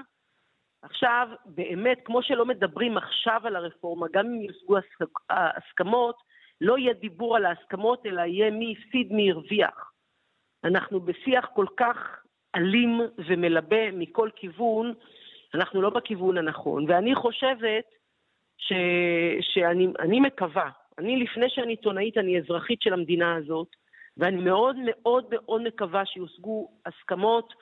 לא כל אחד יצא עם 100% תאוותו בידו, שיהיו... אה, אי אפשר לחיות כאן ולהגיד שאסור לעשות תיקונים במערכת המשפטית. מי שחי כאן ולא רואה את כל העוולות שנעשות במערכת הזאת, אז הוא בן אדם שלא אכפת לו באמת מדמוקרטיה, ולא אכפת לו מזכויות, ולא אכפת לו מכלום, כי הדבר הכי חמור שיש היום במערכת המשפטית זו אכיפה בררנית.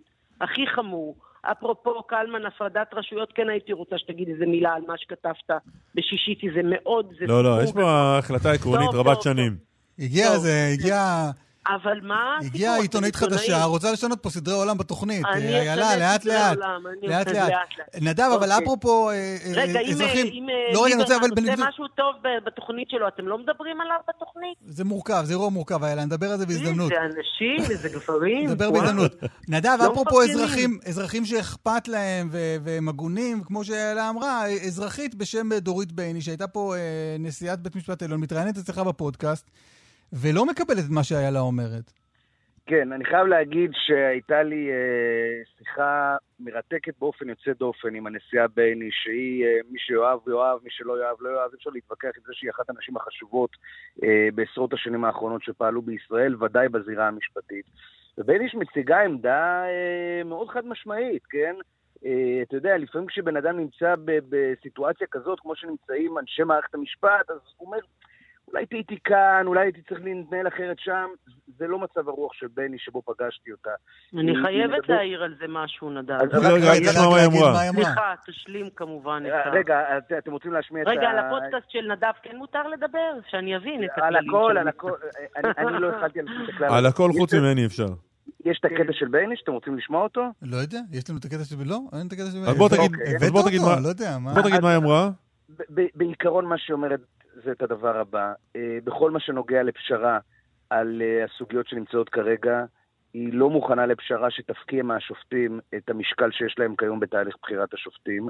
זה דווקא מה שיכול לעודד את מי שרוצה פשרה, כי הנה, אפשר לקחת מהקואליציה את הרוב שנוסחת הרפורמה הנוכחית נותנת לה, הרוב האוטומטי, ולהגיד עדיין השופטים לא אוהבים את זה. זאת אומרת, הרי היום זה משחק של לוז uh, גיים, אז אף אחד כאן לא uh, יצא עם כל תאוותו בידו, כמו שאיילה חסון אמרה. Uh, uh, אבל היא באופן כללי מדברת, גם נכנסת לשאלה האם בית משפט יכול לפסול חוקי יסוד. אגב, התהליך שמתרחש כיום בכנסת, נכנסת לתוך הפגמים שבהם הואשם בית המשפט העליון, uh, החל מהתערבות בחוקים, uh, הרכב בית המשפט. Uh, יש פגמים? היא מוצאת איזשהו פגם? מה שאומרים בהקשר הזה, הפרק יעלה בכל אפליקציות הפודקאסטים היום אחר לא, הצהריים. לא, לא, לא, לא. זה המעליב. לא, ברמה לא, האישית זה לא. המעליב. היא לא... לשאלתה לא- של אה, איילה, לא האם אפשר לדבר על. דברים שקורים בפודקאסט שלך? התשובה מעתה והלאה תהיה לא, לא. אז אני אגיד לך כזה דבר, היא לא. באה במצב רוח של להכות על חטא, או להגיד חטאתי, אביתי, פשעתי, נהפוך הוא. חלילה, אני לא באתי לחלק ציונים לדורית בייניש, שהייתה נשיאת עליון, אני מכבדת אותה. אה, דבר ראשון, בגלל עצם התפקיד, כי אני מכבדת את הדברים האלה מאוד, אבל אה, גם עליה, גם עליה ועל בעלה היו סיפורים גדולים, על בעלה בעיקר, שעסקו באכיפה בררנית. אני לא רוצה חלילה להציף את הדברים האלה עכשיו, זה לא הזמן. אז אה, בואו, דיברת איתה על זה, נדב? על בפודקאסט? בעלה? לא, לא דיברתי איתה כן. על בעלה. זה- זה כמו הטור של קלמן, יש דברים שאנחנו לא נכנסים אליהם. טוב, זה היה חסון. תודה. רבה לשניכם. שבע בערב, תודה. כאן בהצלחה, 11. שבע. בערב, כאן תודה, ביי. 11, אחת אחת בשלט, היום, ניפגש, ביי, ביי. תודה, להתראות. רק העובדות מדברות, אה, וכדי ש... גם ליאן וילדאו מדבר. כן, כדי שהם יוכלו לדבר, אנחנו הבאנו את אה, ליאן וילדאו. ליאן, שלום. שלום, שלום, בוקר טוב. מה קרה לפנות בוקר והיכן? וגם מה? קרה? שתיים וחצי לפנות בוקר, אה, מתחם האימונים אה, של הפועל תל אביב, מתחם חודרוב, שזהו מתחם וולפסון, אה, שם זה נמצא. אה, מוזעקים אה, כוחות הכיבוי, שמגיעים אגב גם מתל אביב, גם מחולון, לשריפה גדולה שמתפשטת במתחם הזה. מגיעים, משתלטים על השריפה, גם בודקים שאין שם אה, חלילה מישהו שנמצא. אמנם מצליחים לכבות את השריפה הזאת אחרי זמן מה, אבל הנזק שנגרם שם הוא נזק גדול מאוד. אה, מדובר שם גם על... אה, בעצם על אזור הקבוצה הבוגרת, כי זה מתחם גם שכולל את מחלקת הנוער, נשרף שם חדר הכושר של הקבוצה, חדר הציוד, שלושה ארבעה משרדים, באמת איזשהו נזק, גם הייתה סכנת קריסה בהתחלה, ולאף אחד היה אסור להיכנס ולהזיז כלום. מגיעים כמובן חוקרי שריפות, חוקרי הצתות, החשד המיידי הוא הצתה. אה, יש מצלמות אבטחה במתחם, משטרת ישראל אה, אה, לקחה אותם כדי לבחון את האירוע. באופן רשמי עוד לא אומרים שזו הצתה, כלומר נבדק, נבדקת גם האפשרות לא טכנית של רשמי? תקלה טכנית. באופן לא רשמי, בואו אני אתן לכם את העובדות, רק העובדות מדברות, נכון? כן, כן. אז הערב אמור להיות משחק בין בית"ר ירושלים להפועל תל אביב. מדובר על משחק מאוד נפיץ עם היסטוריה. שימו לב, בדיוק באותו תאריך, חמישה במרס, לפני 12 שנים, לקראת משחק בין בית"ר ירושלים להפועל תל אביב, הוצת מתחם האימונים של בית"ר ירושלים בבית וגן, והוצאו שם כתובות בידי אוהדי הפועל תל אביב. שלושה אוהדים אז הורשעו בהצתה הזאת, בדיוק לפני 12 שנים באותו תאריך. אז זו יכול להיות שזה עובדה אחת. תופעת טבע, זה כמו שרעידות אדמה אומרים שקורות פעם ב-90 שנה בערך, אז יכול להיות שגם זה. יכול להיות, אז קח עוד עובדה. אתמול התגלתה במתחם של הפועל תל אביב, אותו מתחם, אה, מבחוץ כתובת לה פמיליה, זו כתובת שכוסתה אחר כך, עוד לפני השרפה, כן? זו כתובת אחת ש, שהתגלתה. אגב, נאמר, אה, גם יצא איזשהו סרטון אה, ברשתות החברתיות של איזשהו פלג בלה פמיליה שנקרא Tradition Keeper, שבו, אם תרצו שמחה לאיד, גם שם יש איזושהי כתובת גרפיטי שבהפועל תל אביב לא מכירים, איזושהי כתובת... מה יש להם עם שפות. זרות? מה, סליחה? מה יש להם עם שפות זרות, לחבר'ה של לה פמיליה? אין להם... פמיליה עברית, דבר. עברית. כן, הם זה פלגים. בזה, פלגים בעברית גם? אה, כנראה שפחות. על כל פנים, אה, זו עובדה מספר שתיים. אה, ועוד דבר שצריך להגיד בהקשר הזה של המשחק שצפוי הערב, היא שכל הציוד של הפועל תל אביב, כלומר תלבושות וכדורים ודברים כאלה, היה במתחם הזה, ונכון לעכשיו לא ברור אם המשחק יתקיים בכלל, כי אין להפועל תל אביב ציוד כדי להגיע למשחק. טוב, חולצות אפשר לארגן ירושלים, עד אגב, הערב. הוציאו, בביתר ירושלים הוציאו עוד איזושהי הודעה שהם מוכנים לסייע בכל דבר שנדרש להפועל תל אביב, והם בקשר עם הפועל תל אביב. אמ, זה, זה לקראת המשחק שאולי לא יהיה, בעצם אה, משחק בין הפועל תל אביב לבין אה, ביתר ירושלים, המשחק המרכזי של המחזור הזה אגב. אמ, עוד נתון אחד אם תרצו, אה, אני לא יודע אם הוא קשור או לא, אפרופו השיחה הקודמת שלכם. אה, אתמול בערב אחרי המשחק, אה, משחק של קבוצת הכדורסל של הפועל תל אביב, האוהדים של הקבוצה הצטרפו להפגנה נגד הרפורמה המשפטית. אני לא יודע אם יש איזשהו קשר, אבל בטח גם את זה יבחנו. אולי זה מהדיכאון אחרי. שהם הפסידו. יכול להיות, כן, הם הפסידו להפועל ירושלים, זה נכון, הפסד ביתי אגב. אלה כל העובדות, עכשיו אנחנו מחכים למסקנות של החוקרים, גם של המשטרה, גם של כיבוי אש, האם מדובר בהצתה, כאמור יש מצלמות אבטחה, אה, ויש גם היסטוריה בין המועדונים הללו, ובואו נראה גם מי יהיה משחק. ליאן, תודה רבה. תודה, תודה. תודה. הדוקטור דניאל ויינשטוב, שלום. שלום וברכה. אפיגרף, מומחה. אה, לכתבים השמיים העתיקים. נכון. אה, אז התגלה, תיאר את זה ליאן, התגלה איזה כתובת, אה, איזה כתובת זו הייתה? שלה פמיליה ריססו, לה פמיליה הם כתבו, לא? כן. אה, זה כתובת שאתה גם עוסק בה? מהתקופה השמית. כן, מהתקופה הפרסית. הכתובת הזאת התגלתה על פני השטח על ידי שני מטיילים שטיילו בתל לכיש. זה היה כבר שאתה חוזר כבר לעניין שבאמת לשמו התכנסנו. כן.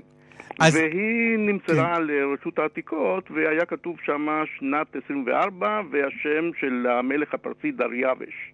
שזה מתי, מתי התגלה לנו? לא, זה התגלה, ב... זה התגלה לאחרונה, היא פורסמה ממש ממש לפני, אה, לפני ימים, לפני כמה שבועות. ואז חשבנו שיש לנו ביד, וחשבנו שיש לנו ביד כתובת אה, אמיתית ושל אה, של המלך, אה, של, המל, של המלך הפרסי דריווש, אה, דר, דריו, דריווש הראשון, שזה כמה זמן? אחורה? שהוא דריו, דריווש מלך, דריו, אה, דריווש, מל, דריווש מלך אה, במאה, במאה החמישית לפני הספירה, כן? ואחר כך, אה, מה- מה- והיא עמדה להתפרסם, זה קודם יצאו כל מיני כתבות, הודעות לעיתונות, ואחר כך יצאה הודעה שהכתובת הזאת בעצם מזויפת מכיוון שהאישה אה, חוקרת שהשתתפה בחפירות בתל לכיש, היא הודיעה שהיא זאת שכתבה את הכתובת, כי היא רצתה להדגים לתלמידים שלה מתי היא הייתה פה? אה, איך כתבו בתקופה הזאת, והיא פשוט זרקה את זה בשטח. מתי- וזה מה שמצאו שני המטיילים. מתי- מתי, אה, מתי היא הייתה פה ו- וזרקה את זה? לפני שנה. אז רגע, שנייה, שנייה. שנייה. לפני שנה מדריכה, לא, היא חוקרת. היא חוקרת.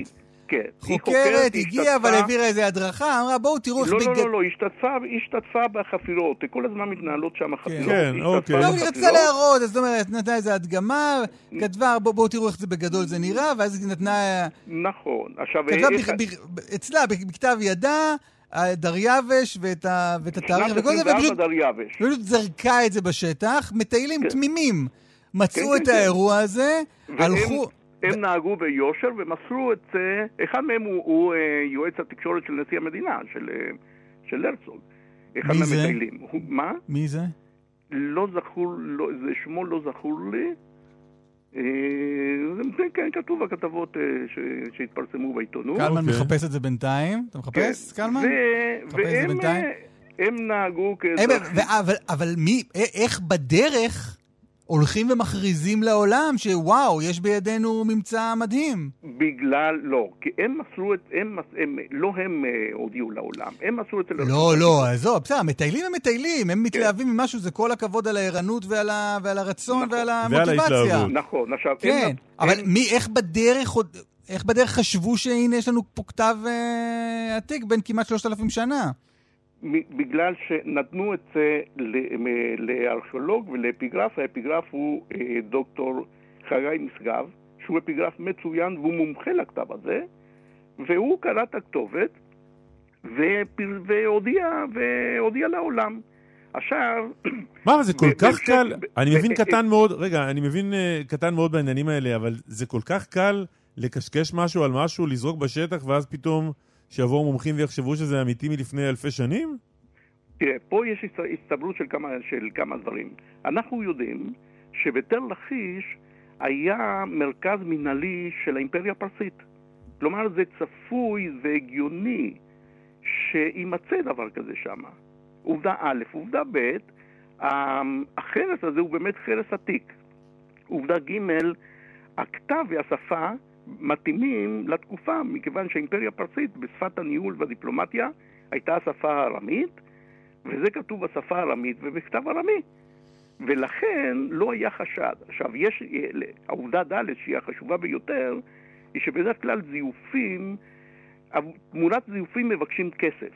יש מאחורי זה תעשייה שמגלגלת מיליוני דולר. פה לא היה חשד. פה לא היה שום וגם לא היה זיוף, היה באמת, אה, כולם היו תמימים נורא. אה, תראה, אה, דוקטור משגב שם לב שהרי בכתב הארמי יש שני סגנונות. כמו שהיום יש לנו כתב, אה, כתב יד ו- ו- ו- וכתב דפוס, הכתב המרובע, גם אז היו שני סגנונות.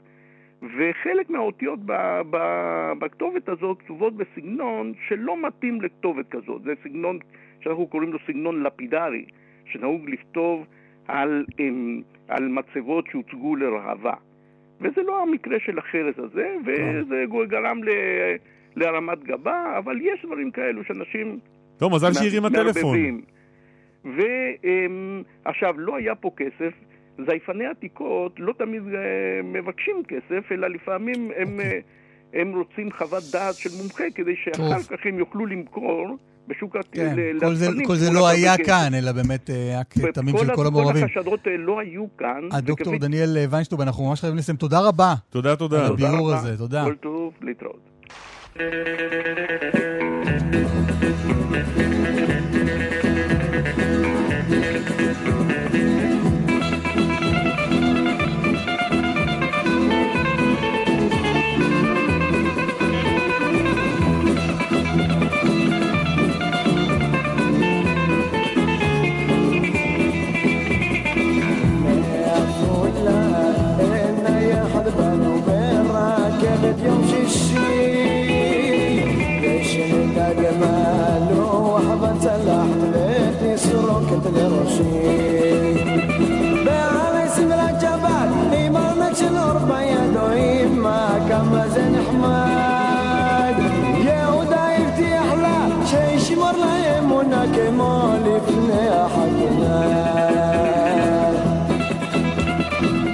אחרי זה אמיר, הוא רוצה לראות ספרי ישראל בספרייה הלאומית, שלום.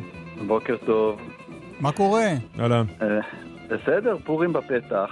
אה, יש לי חשש שחלק מהדברים שאני אגיד אה, יהיו קצת אקטואליים, בואו נראה.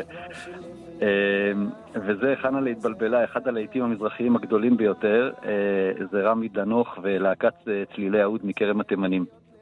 אני מתבייש כן. שמזרחי מזרחי נודע כתב את הטקסט. בדיוק, אבל לפני כן אני קצת מתבייש אה, לומר שאני הכרתי את השיר הזה לראשונה כשהייתי ילד קטן בירושלים.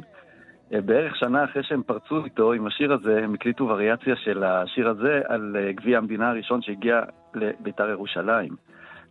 והשיר הזה, יש קבוצה אחת בירושלים שאותה אני אוהב, אז אני אומר, היום אולי זה קצת אה, נשמע אירוני, אבל, אה, אבל זה רק מעיד על כמה השיר הזה התפרסם כל כך כל כך מהר. אה, אדווין סרוסי, אה, חתן פרס ישראל למוזיקולוגיה, הוא מתאר איך שיר כל כך אשכנזי, השיר שאנחנו שומעים הוא שיר אשכנזי לגמרי. המשך של אה, המסורת של פורים שפיל של יהודים באירופה, הוא הפך להיות אחד מהלהיטים הראשונים של מוזיקת הקסטות, לא סתם אחד הלהיטים הראשונים, ציון דרך בתולדות המוזיקה הישראלית, המזרחית בישראל. כי עד כמה שקשה לזהות מבעד לצלצולים האלה, התימניים, הלחן הוא ניגון חסידי. הניגון החסידי הזה נמצא בארכיון הצליל אצלנו כאן בספרייה הלאומית. ונתן אלתרמן, שהכיר ניגונים חסידיים אה, מהבית, הוא הלביש עליו שיר עיתולי שהוא כתב לכבוד האדלוידה בתל אביב בפורים אה, של 1934, מה זה כבר כמעט ל-90 שנה. הוא קרא לשיר אה, הוא והיא על הגג, כן, הם מצטופפים שם עם כל הצופים בתהלוכה. אה, השיר המקורי, שאנחנו, את רובו אנחנו לא שומעים כאן, אה, מתאר זוג פרובינציאלי שבא אל העיר הגדולה, תל אביב, הוא בא מעפולה ברכבת יום שישי, כמובן זאת רכבת העמק, אה, לצפות בקרנבל הלאומי, שזה היה האירוע אחד הגדולים ביותר שהיה בארץ באותם שנים, כל שנה בפורים. וזה היה המשך, המשך, אמנם המשך נועז, המשך חדש, אבל למסורת יהודית של תהלוכות של פורים שהיו בעצם בכל העדות בישראל. וכשהיא אומרת לו שם, יהודה בית לשם הגמל איננו סתם, הגמל הוא בן אדם, זה כי באמת באותה שנה הייתה תהלוכה של אה, מיצגים כאלה, של אה, בעלי חיים, וכשהיא אומרת, והכורדי הקופץ, והחותם של הלץ, זה, כי, כי גם הייתה, היה מצעד תחפושות של מה שקראו אז שבטי ישראל. אז אנחנו לא שומעים כאן את השיר הזה על העד לא ידע, אלא רק את הבית הראשון שלו, כי צלילי האוד שרים נוסח שמורכב משני שירים שונים לגמרי. אה, ואליהו הכהן מצא שגם השיר השני הוא של אלתרמן, קראו לו דבש וזפת. כי הרי אה, חווה מעפולה מסוחררת אה, מהמראות של העיר הגדולה, היא אומרת פתאום, יהודה, אגיד נא שתשמור לי אמונה כמו לפני החתונה. והשורה הזאת התחברה, התחברה בדיוק עם השיר על חנה שהתבלבלה, זאת הכלה שנולד לה בן בלי שבכלל נכנסה להיריון וכולי וכולי, אה, משהו שבכלל נשמע מ, מהעיירה במזרח אירופה. אגב, אה, בשיר הזה, אה, אגב, האייטמים הקודמים שלכם, אלתרמן כתב שם, חנה רצתה בבן של מלך, אך הסכימה לבן גביר. אגב. תגיד רגע, אבל רגע, אבל פספסתי משהו בדרך. שיר אשכנזי לחלוטין, אז איך זה הגיע לאזורי הקסטות? השירים, השיר, זה היה, מה, שני השירים האלה, שני השירים שהתחברו כאן, אה, הסתובבו בש, ב, ביישוב ואחר כך במדינה בתור שירים עממיים, ו, ובתור, ו, וזה הסתנן גם לחפלות של, אה, של כרם התימנים, אה, ששרו את זה בתנועות נוער, וזה גם הסתנן גם לשם, עד ש...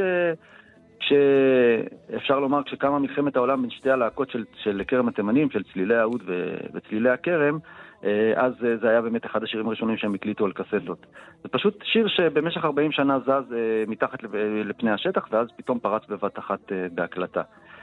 אז ככה יצא שהבית של ירח דבש לפני החתונה בדיוק מתאים לזאתי שעומדת שם על הגג, האמא עפולה. ומכאן לדעתי אה, הגיע השיבוש. בכלל, אני חושב שהביטוי של, אה, כשהוא אומר לו על ירח הדבש והחתונה, הוא מתאר את זה כמו דבש וזפת. זה ביטוי מקסים בעברית של פעם אה, להבדל שבין מתוק למר, אני בעד לחדש את זה. בקיצור, מהחיבור בין שני השירים האלה, שבמקרה אלתרמן כתב את שניהם, יצא שיר שהוא די חסר פשר, אבל, אבל גם זה מתאים לפורים, הבלאגן הזה והחוסר פשר הזה. למה אתה מתחפש? אני מתחפש לגמל מעד לא ידע. וואלה. גמל? יפה. איך אתה עושה את זה? איך אתה... כמו בשיר. איך אתה רוקם את זה? תבוא תראה. יאללה, נשמח מאוד. יש בטח עד לא ידע מטורפת אצלכם בספרייה הלאומית, אה? אין תגובה. אחרי זה אמיר, לא, לא התכוונתי. עכשיו, רק אחרי ששאלתי, הבנתי, לא, לא התכוונתי ללכת לשם, יש פה, איך אמר לא, לא, קלמן, יש פה הפרדת רשויות. הפרדת רשויות. חזי אמיר רוצה כן, אוסף כן. אוסף, וואי, אני לא... חזי אמירו. תן לי, לא, אל תוותר לי. דוקטור חזי אמירו. אומרים לילדים, תעשה עד שתצליח. לילדים, כן. נפלת מאופניים, תעלה. לא, לא, מה יש לי בחיים? בבקשה, כולם בשקט, עכשיו אסף. תודה רבה לדוקטור חזי עמיור, עוצר אוסף ישראל בספרייה הלאומית. אסף, עשית הרבה נחת לאימא שלי עכשיו. פורים שמח. להתראות.